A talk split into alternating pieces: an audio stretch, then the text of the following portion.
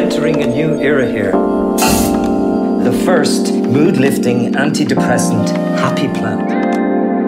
We want rebel music, street music, music that breaks down people's fear of one another, music that knows who the real enemy is.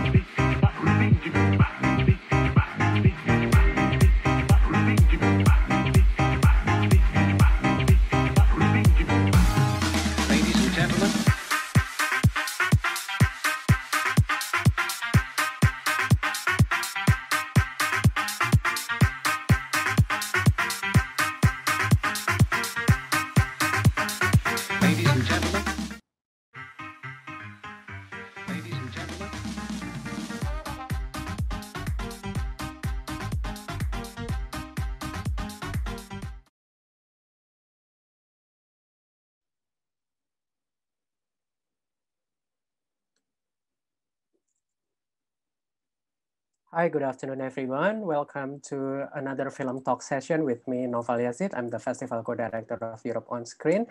And as usual, in all our film talk session, the session is um, being recorded and is broadcasted live on YouTube at the moment. So you can join from our YouTube channel at Europe on Screen.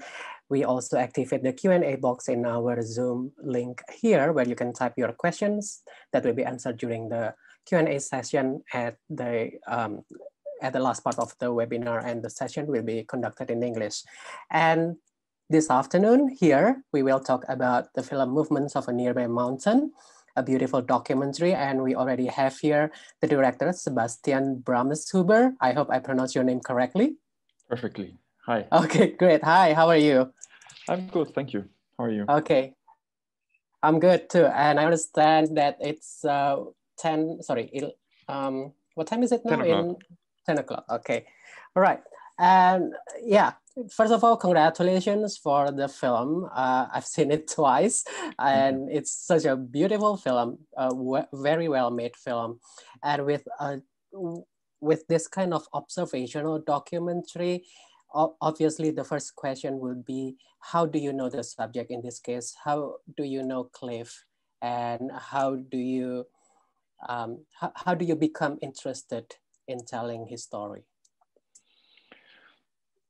Well, I would actually um, not quite uh, quite agree that it's an observational documentary. It is partly an observational Okay. documentary, but maybe we can go into that a bit later.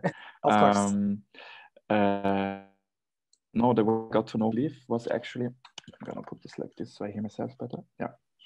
Um, was because I was shooting there for my previous film. I mean, on the location where probably 90% of the film takes place, which is Cliff's garage, which is uh, located at an abandoned former uh, industrial facility, basically.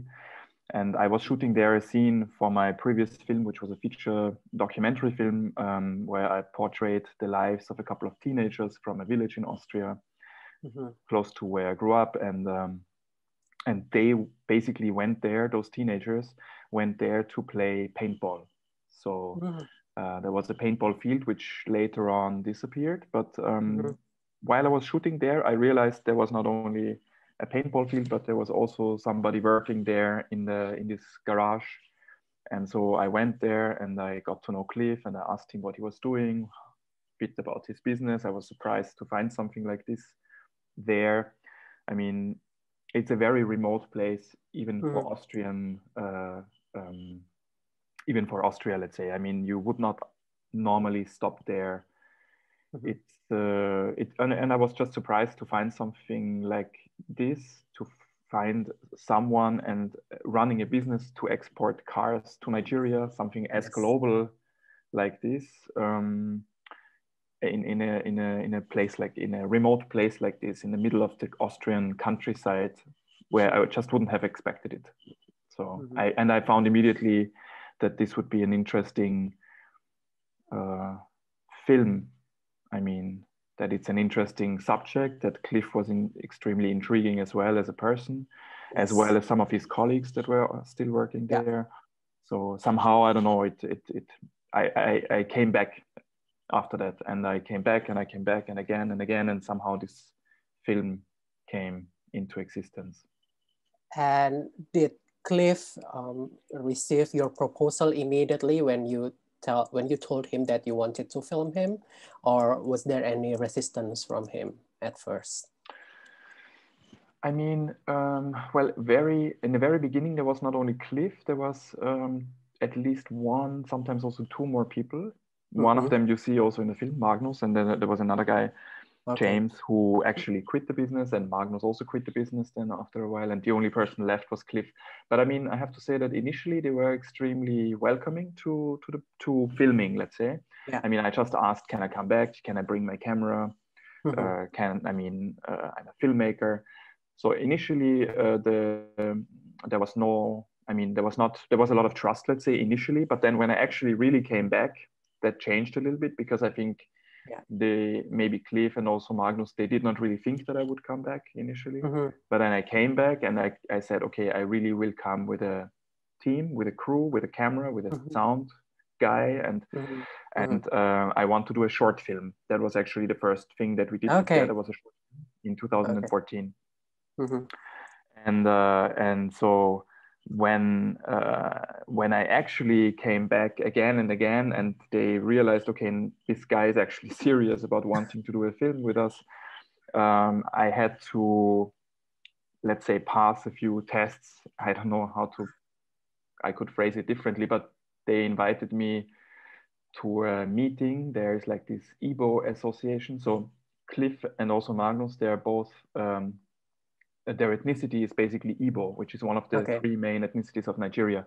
And Mhm. there is a in this region in Austria, there is like a community, an Igbo community, Mhm. and meet regularly. I don't know, maybe once a month or something like that. Mhm. And so I had to basically come to one of their meetings and explain my project in front of this community. And and yeah, and and and when I did that, after that, um, it was okay, and I could come to film, basically. And I I still felt there was some mistrust even then. I mean that that showed during the shooting that maybe they would not show up as much as we agreed on, or as much as I thought they would be showing up in in you know in this garage. Mhm. But anyways, when the film was finished and we could, we were basically able to finish this short film and the, and it was presented at a festival uh, in, in Austria close to to to where they are based and they were basically coming to the cinema and to the festival to watch the film and they saw that it actually was not a film that portrayed them in a bad light or that showed them in a you know in a negative way and and that they liked the film and and that was really a good um, base basically to do a feature film a few years later. Mhm.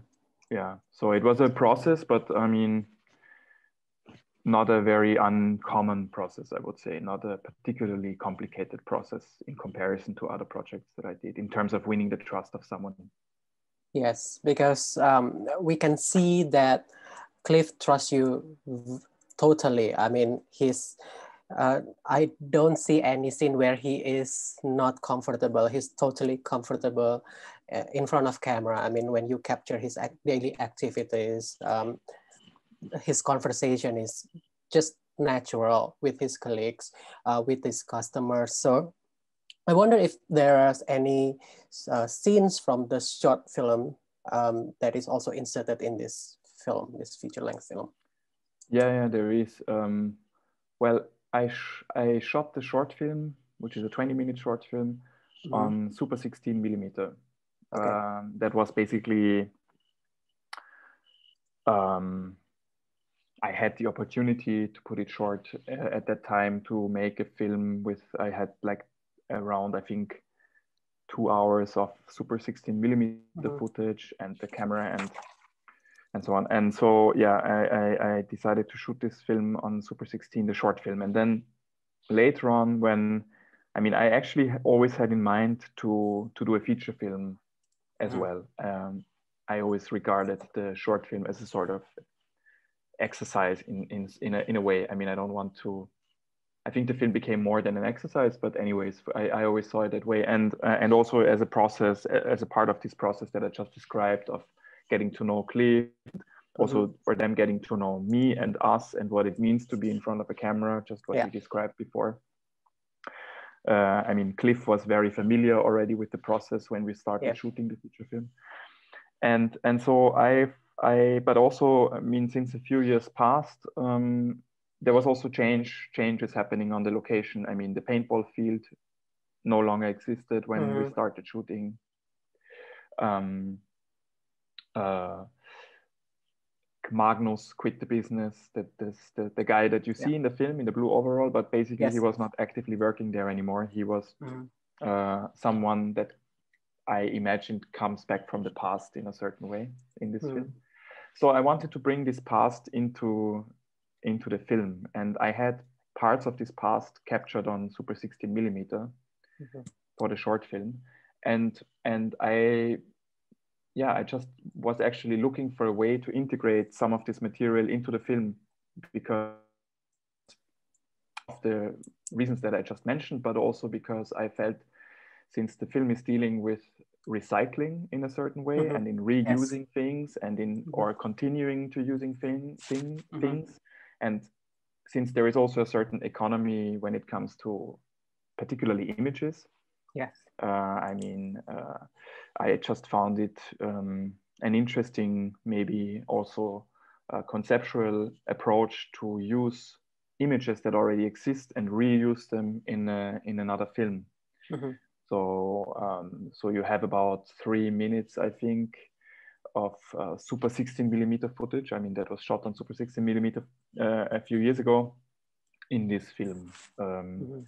as a sort of I don't know, um, blurry uh, influx from the past, I would say.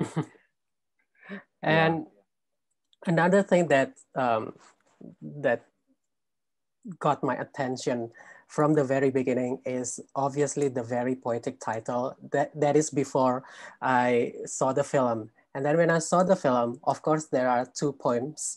Um, the uh, not exactly in the beginning, but um, sometime in the beginning, and of course another poem at, the end with, uh, with words like uh, stepping uh, towards the mountain.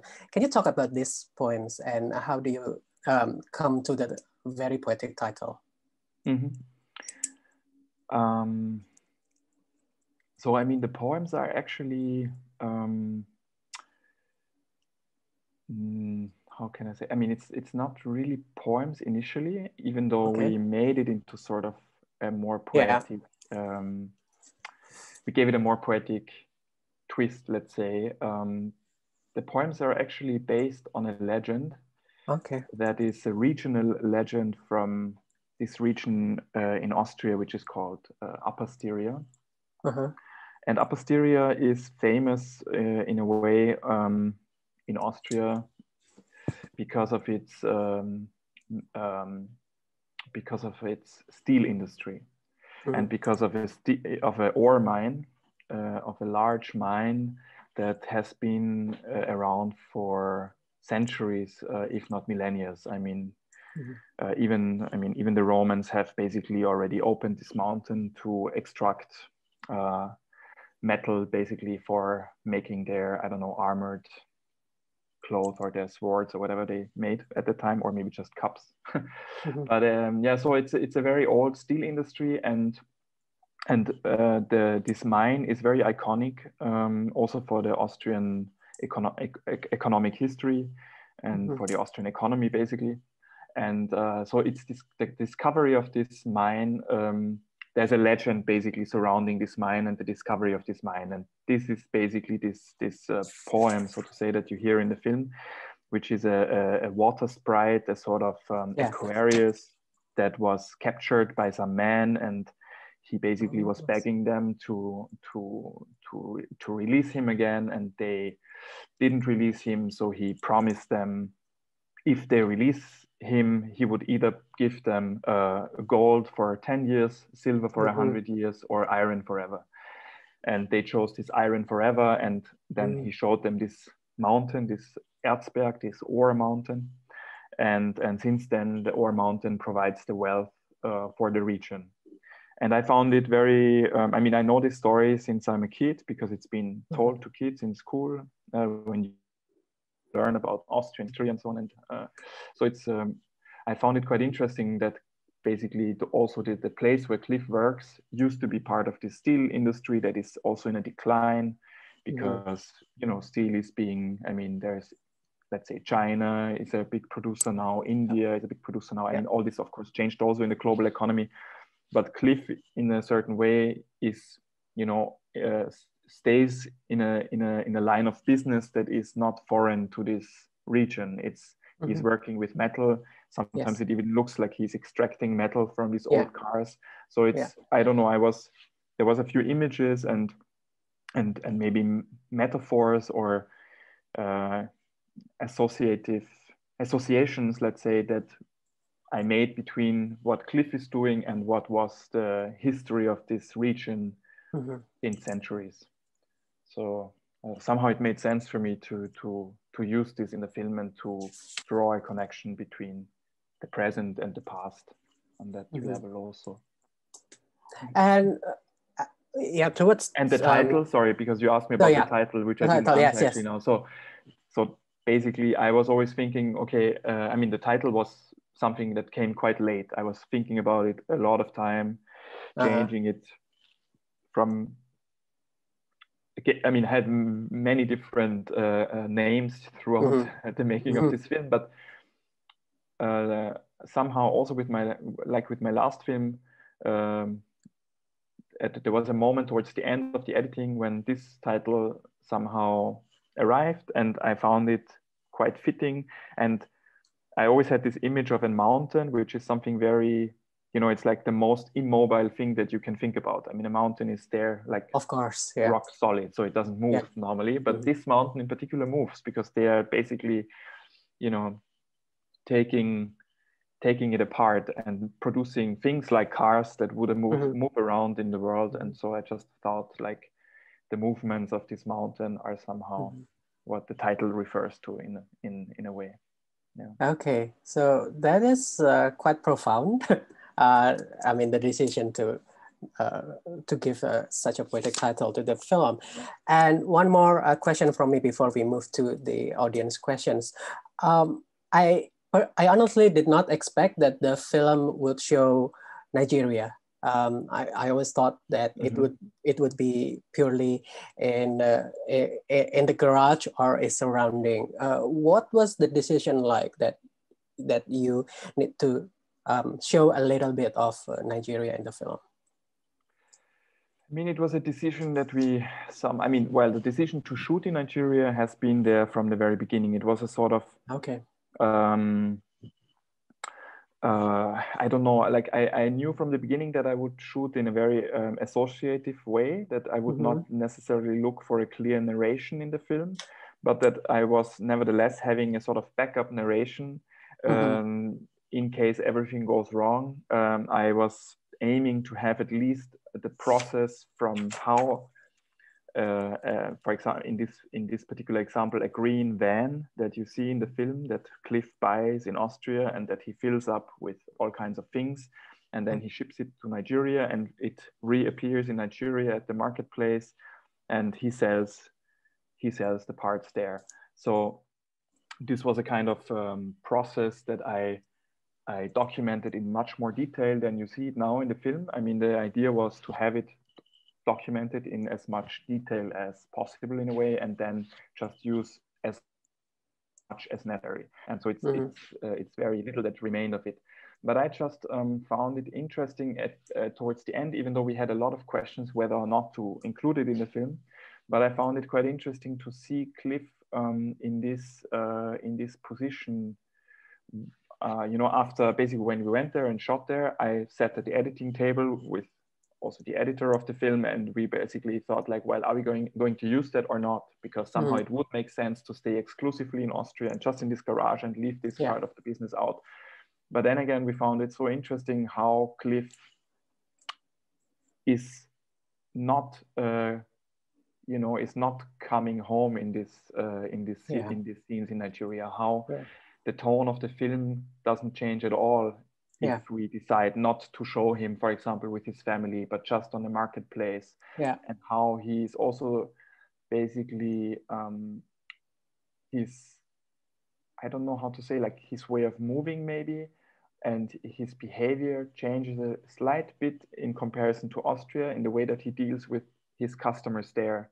Mm-hmm. And that it's interesting to see him there in the middle of this marketplace because you can see that he belongs there, but you can also see that he already became some a little bit foreign at the same time. Yes, something yes, I yes. talked a lot with Cliff about this feeling of belonging but not belonging, you know, uh-huh.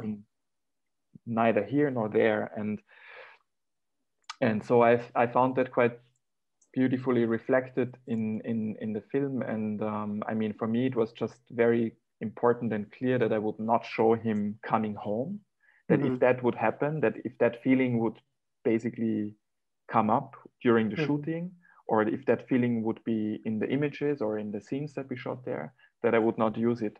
But since I felt it did not happen, I found it extremely interesting to use it. Also, because one, like maybe that was, I don't know if it was the main decision or the, the thing that made us decide to use it, but I also found it quite interesting um, with the scene that uh, the Nigeria sequence starts with yeah. is when Cliff and when basically when we see the van driving into the market. Yeah. So it's like a POV uh, uh, of, of him driving into the market. And well, but it's not him driving like in Austria, it's someone else driving him. Mm-hmm. And I think that's also quite interesting. It's like Cliff is not getting out from the driver's seat, it's someone mm-hmm. else driving Cliff and he's going out from the passenger seat. Which I think in this story, um, where you where you know also how how the position of cliff changes from uh, uh, well maybe from someone that you would consider underprivileged in austria to someone yeah. who is let's say not overprivileged but in comparison to the other people in nigeria that he's selling to there mm-hmm. a certain uh, uh more privileged position comes along with that i, I found this shift in pers in pers in in the character interesting to make the whole character more complex, to show the complexity of the world we live in, basically, that it's not that you're not exclusively a victim and you're not exclusively a, a, perpetrator, but everything at the same time in this complex world that we live in somehow, I, I guess. Mm-hmm. And have you talked to Cliff um, after the film uh, whether he now feels like more like an Austrian or I mean, he still has the mixed feeling of um, one foot is steps in Nigeria and one foot is in Austria. Yeah, I mean, he he he's now in Austria, I think, for almost 15 years. Mm-hmm. He's also applying for Austrian citizenship and will likely uh, have Austrian citizenship in the next few years. Mm-hmm. He, I mean, he really feels what from what he says to me but of course that's you know what you tell someone in words and how you feel inside might be not maybe different things but it might be more complex but what he says to me and i mean i also can understand and see that in, in how he lives his life is that he feels more at home in austria mm-hmm. right. and um, i mean yeah he, he really likes the region where he's living I mean, he sometimes comes to Vienna to to visit, but he doesn't like the, the city. He really likes this kind of rural, small town place where he mm-hmm. lives.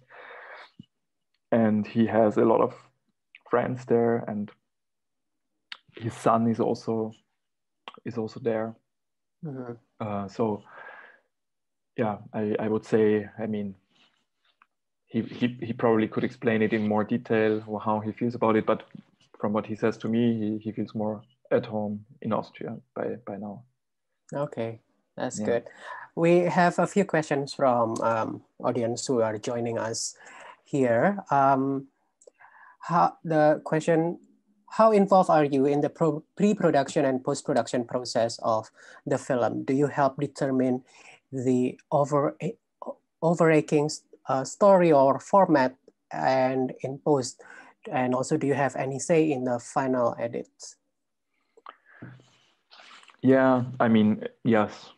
Um, I, I was co-editing the film. Um, I have all the. I'm also the a co-producer of the film. Um, I'm the director and the writer, so I have basically uh, full control over everything in the film.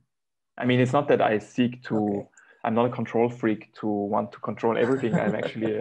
I mean, it was a teamwork, but I'm just saying, like, if the question is whether or not I had the decision, or I had the choice to decide on everything myself, if I if I had the liberty, let's say, to decide on everything myself, yes, absolutely but it was a team it was a, a, a collaborative effort with many people involved um, like all films i guess most films let's say see yeah. Uh, the next question is uh, sorry um, are, are you still in a good relationship with the with cliff and his friends and did they come to watch during the premiere and uh, how i mean how was their reaction Yes, I mean, I uh, the film has premiered like a year and a half ago by uh, mm-hmm. now. So Cliff was there for the premiere in Paris, um, uh, and we traveled to a couple of festivals also together. He was also there for the Austrian premiere, for the Viennese premiere, uh, for the premiere of when we premiered the film in his city, basically. Mm-hmm. Also. Um, we traveled together to Amsterdam, to IDFA, and to Reykjavik in Iceland mm-hmm. to present the film together. So yeah, I mean, we are on very good terms, and um, he likes the film a lot, and he has been um, excited to basically travel with the film as well. So it was a quite pleasant for me too, because of course this is also uh, something that you worry about uh, after spending so much time on doing a film that you think is just to a certain person or to the mm-hmm. personality of someone that you know but then you mm-hmm. have to of course show it to the person and see if the person thinks the same way. But luckily he felt the same way. And is the film in any way improving his business? Oh that's a tough question. Actually i have asked him that. I don't know if it's really improving i don't know. I don't know. It's a good question. I, yeah I will ask him. I will ask him. Okay, thank you. Uh, another question is about. Um, uh, uh, thank you for uh, the question is thank you for such a beautiful film. Even the poster looks beautiful. Did you take any part in the poster making decision? Um, well, in the decision, yes, but in the making, uh, I mean, it, I have a great distributor -huh. for the film. It's a Austrian Viennese-based distributor, but a French guy called Pierre Emmanuel Finzi. He runs a a cinema and a distribution company named Filmgarten, mm-hmm. Film Garden. Uh, and he, yeah, I mean, he he cares a lot for details. So he was actively looking for an illustrator that he mm-hmm. found in Berlin, who is uh, doing uh, posters for movies, actually, for let's say for this kind of movies. And this illustrator uh, came up with this uh, beautiful illustration of the uh, that you see on this poster now actually. Yeah. Yeah the uh, I, I like the choice of the colors the very striking blue and yellow yeah yeah, yeah. i mean uh, we tried to do something because the film is very quiet. So i mean uh, of obviously the the idea was to be a bit more uh, loud in the with the poster for the cinema release. We had a cinema release in austria and and in order to you know make people look at something in the streets we thought like maybe flashy colors would be nice yeah yeah. But, uh, yeah. and since it was released in cinema in austria how was the uh, reception there I mean, the reception was, you know, uh, positive. I could say. I mean, that I mean, I guess with this kind of films, you cannot expect to get like, uh, you know, hundreds of thousands of people watching your film, but we had a few mm-hmm. Thousand, let's say. Yeah. Mm. That came to watch the film. Um, yeah, it was not. It was not particularly uh, great, let's say, um, the the cinema release in terms of mm. the number of the audience, but it was also not uh, it was it was okay it was like uh, satisfactory let's say mm-hmm. uh, within the margins that we expected i would say and um, yeah mm, yeah i mean there was i can show you wait i'm gonna just get something oh. to show you okay Up. this is interesting Ah, yeah. So there has been a nice uh, DVD release. DVD. I see. Okay. Yeah. I don't know if you can see it properly, but it's with this. Yeah, but uh, yeah. Uh, but I wish we uh, I wish they keep the same poster for the DVD cover. Sorry. I, I wish uh, they keep this. They, they will use the same poster for the DVD cover. No, that's actually the the DVD cover. So that's ah. already um, the the poster is just on a very small. I see. Uh, yeah, okay. here on the back. Yeah. But it's like um, it's a quite nice DVD edition uh, for Austrian films. It's like a how you say like a uh, an, an anthology, I guess, of mm-hmm. Austrian mm-hmm. films. So it has been released. Um, so it has been well received. I mean, we received a number of uh, of awards also, and no, it was a. I'm I'm really. I mean, quite happy and satisfied with how how everything went with this film.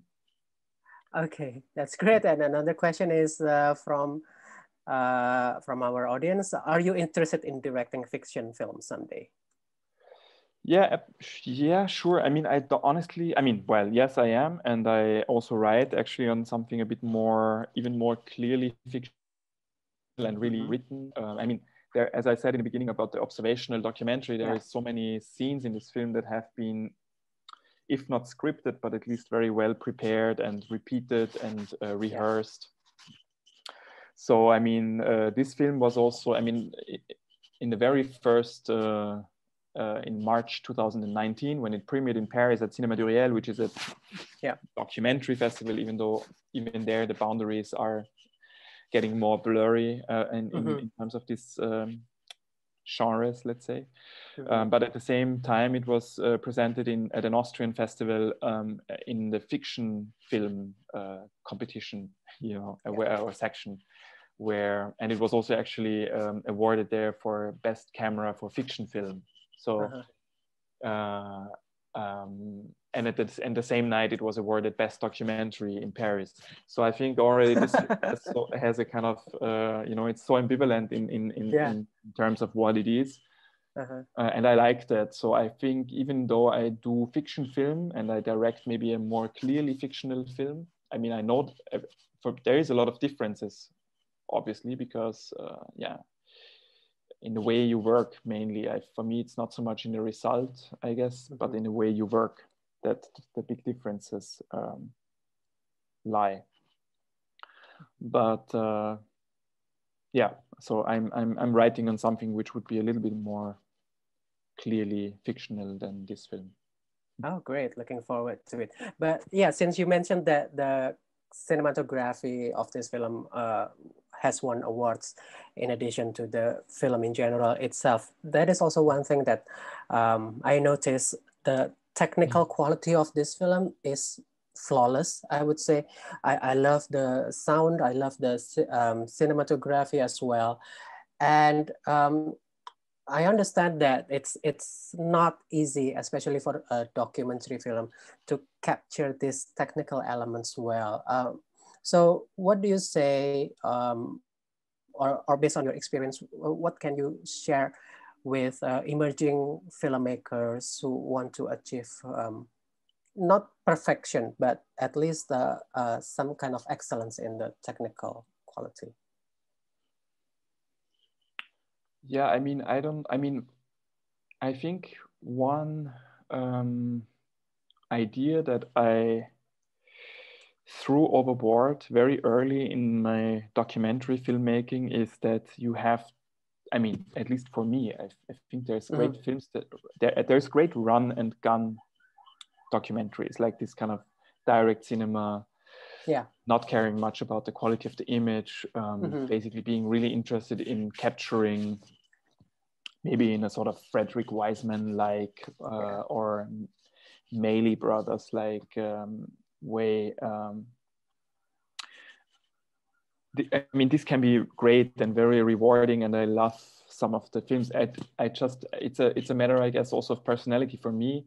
I learned Mhm. relatively early that this is not the way I want to work because maybe of a certain perfectionism that is part of my character. I so I, I realized that I'm really caring a lot about uh, the, the the framing and the Mm. quality of the image and the quality of the sound and the Yeah. I test a lot the cameras before. I mean, for example, for this film, I mean, with every film, I care more about these things. And for this film, we did a lot of testing um, with the cameras and the lenses. Also, we used very particular uh, uh, lenses, actually, Yeah. uh, old lenses, uh, lenses from the 80s that we we bought a set of them for this film and used it on a quite contemporary camera.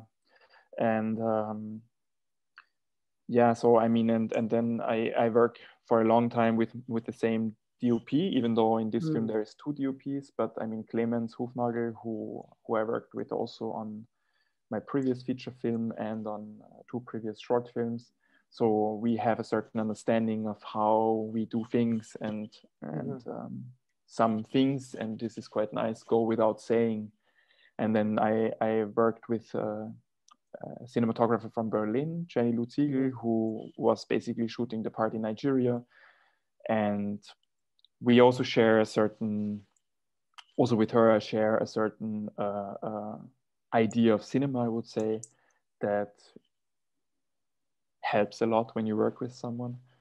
And I don't know, I just think that if you look for something like, I mean, it's far from perfection. I, I wouldn't even know what that term would mean in terms of filmmaking, actually, but definitely if you look for a certain quality, um, I guess just trusting in in in that you don't have to, you know, be there at the right time or at the right moment all the time with the camera on, but just trusting that being there and observing and trying to Mhm. repeat what you see and and just taking the time to really think about what you want to shoot i think that helps a lot. And one particular great exercise was actually the shooting of on super 16 millimeter because you have so little material. I mean you have so little time uh, you're really there with the stopwatch. I mean literally i was there with the stopwatch because i knew that every second that i shoot is precious and if i Yeah. mess up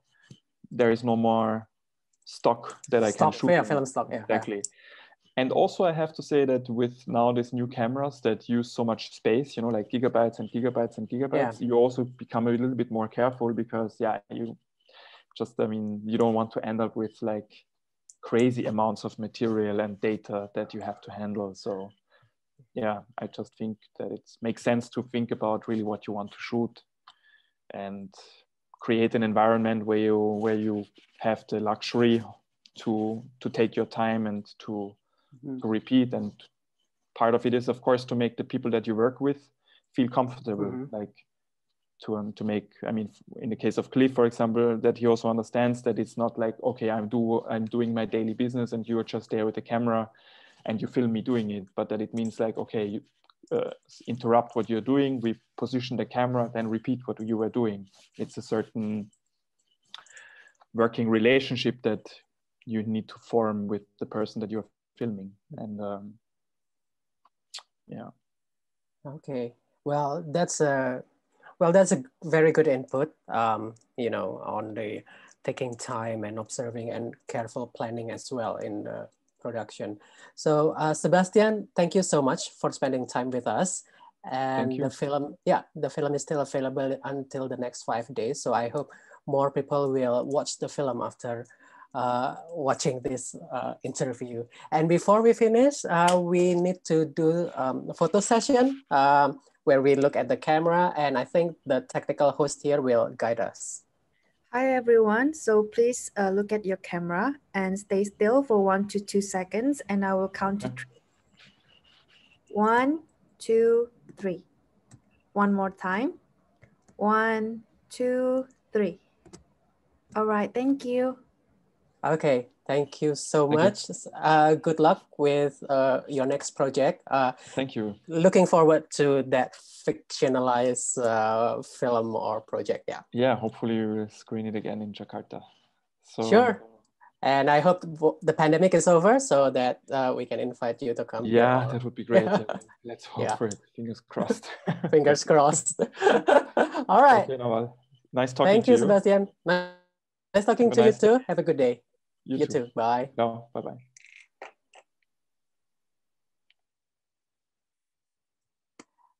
Oke, that was it. Uh, demikian tadi uh, live talk atau live interview dengan Sebastian Brames Huber, Director of Move, Movements of a Nearby Mountain. Very moving documentary, very poetic documentary. You can figure out the poems. Uh, bisa dicari puisinya apa sih di film tersebut. Filmnya masih available sampai tanggal 27 November, uh, hari Jumat. Dan sesi film talk berikutnya adalah besok. So the next uh, film talk session will be tomorrow, uh, Tuesday, 24 November, hari Selasa 24 November. Another documentary, filmnya Akasa My Home uh, dari Romania bersama sutradaranya Radu Sionisio. Oke, okay. Uh, don't forget to tune in to europeonscreen.org dan sosial media kita at Europe On Screen, Facebook, Twitter, Instagram. Have a good time. Have a good festival. Bye.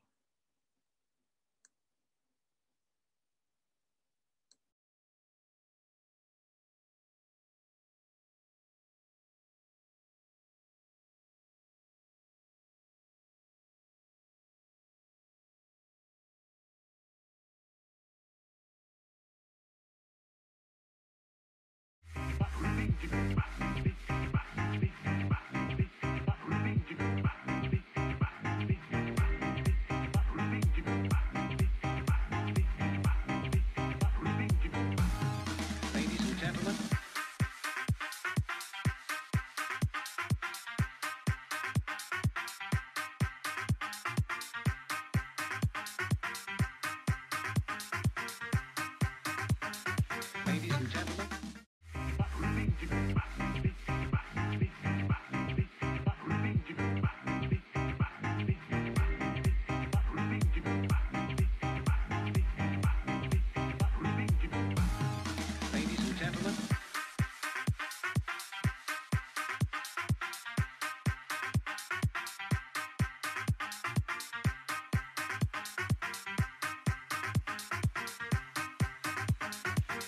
And gentlemen.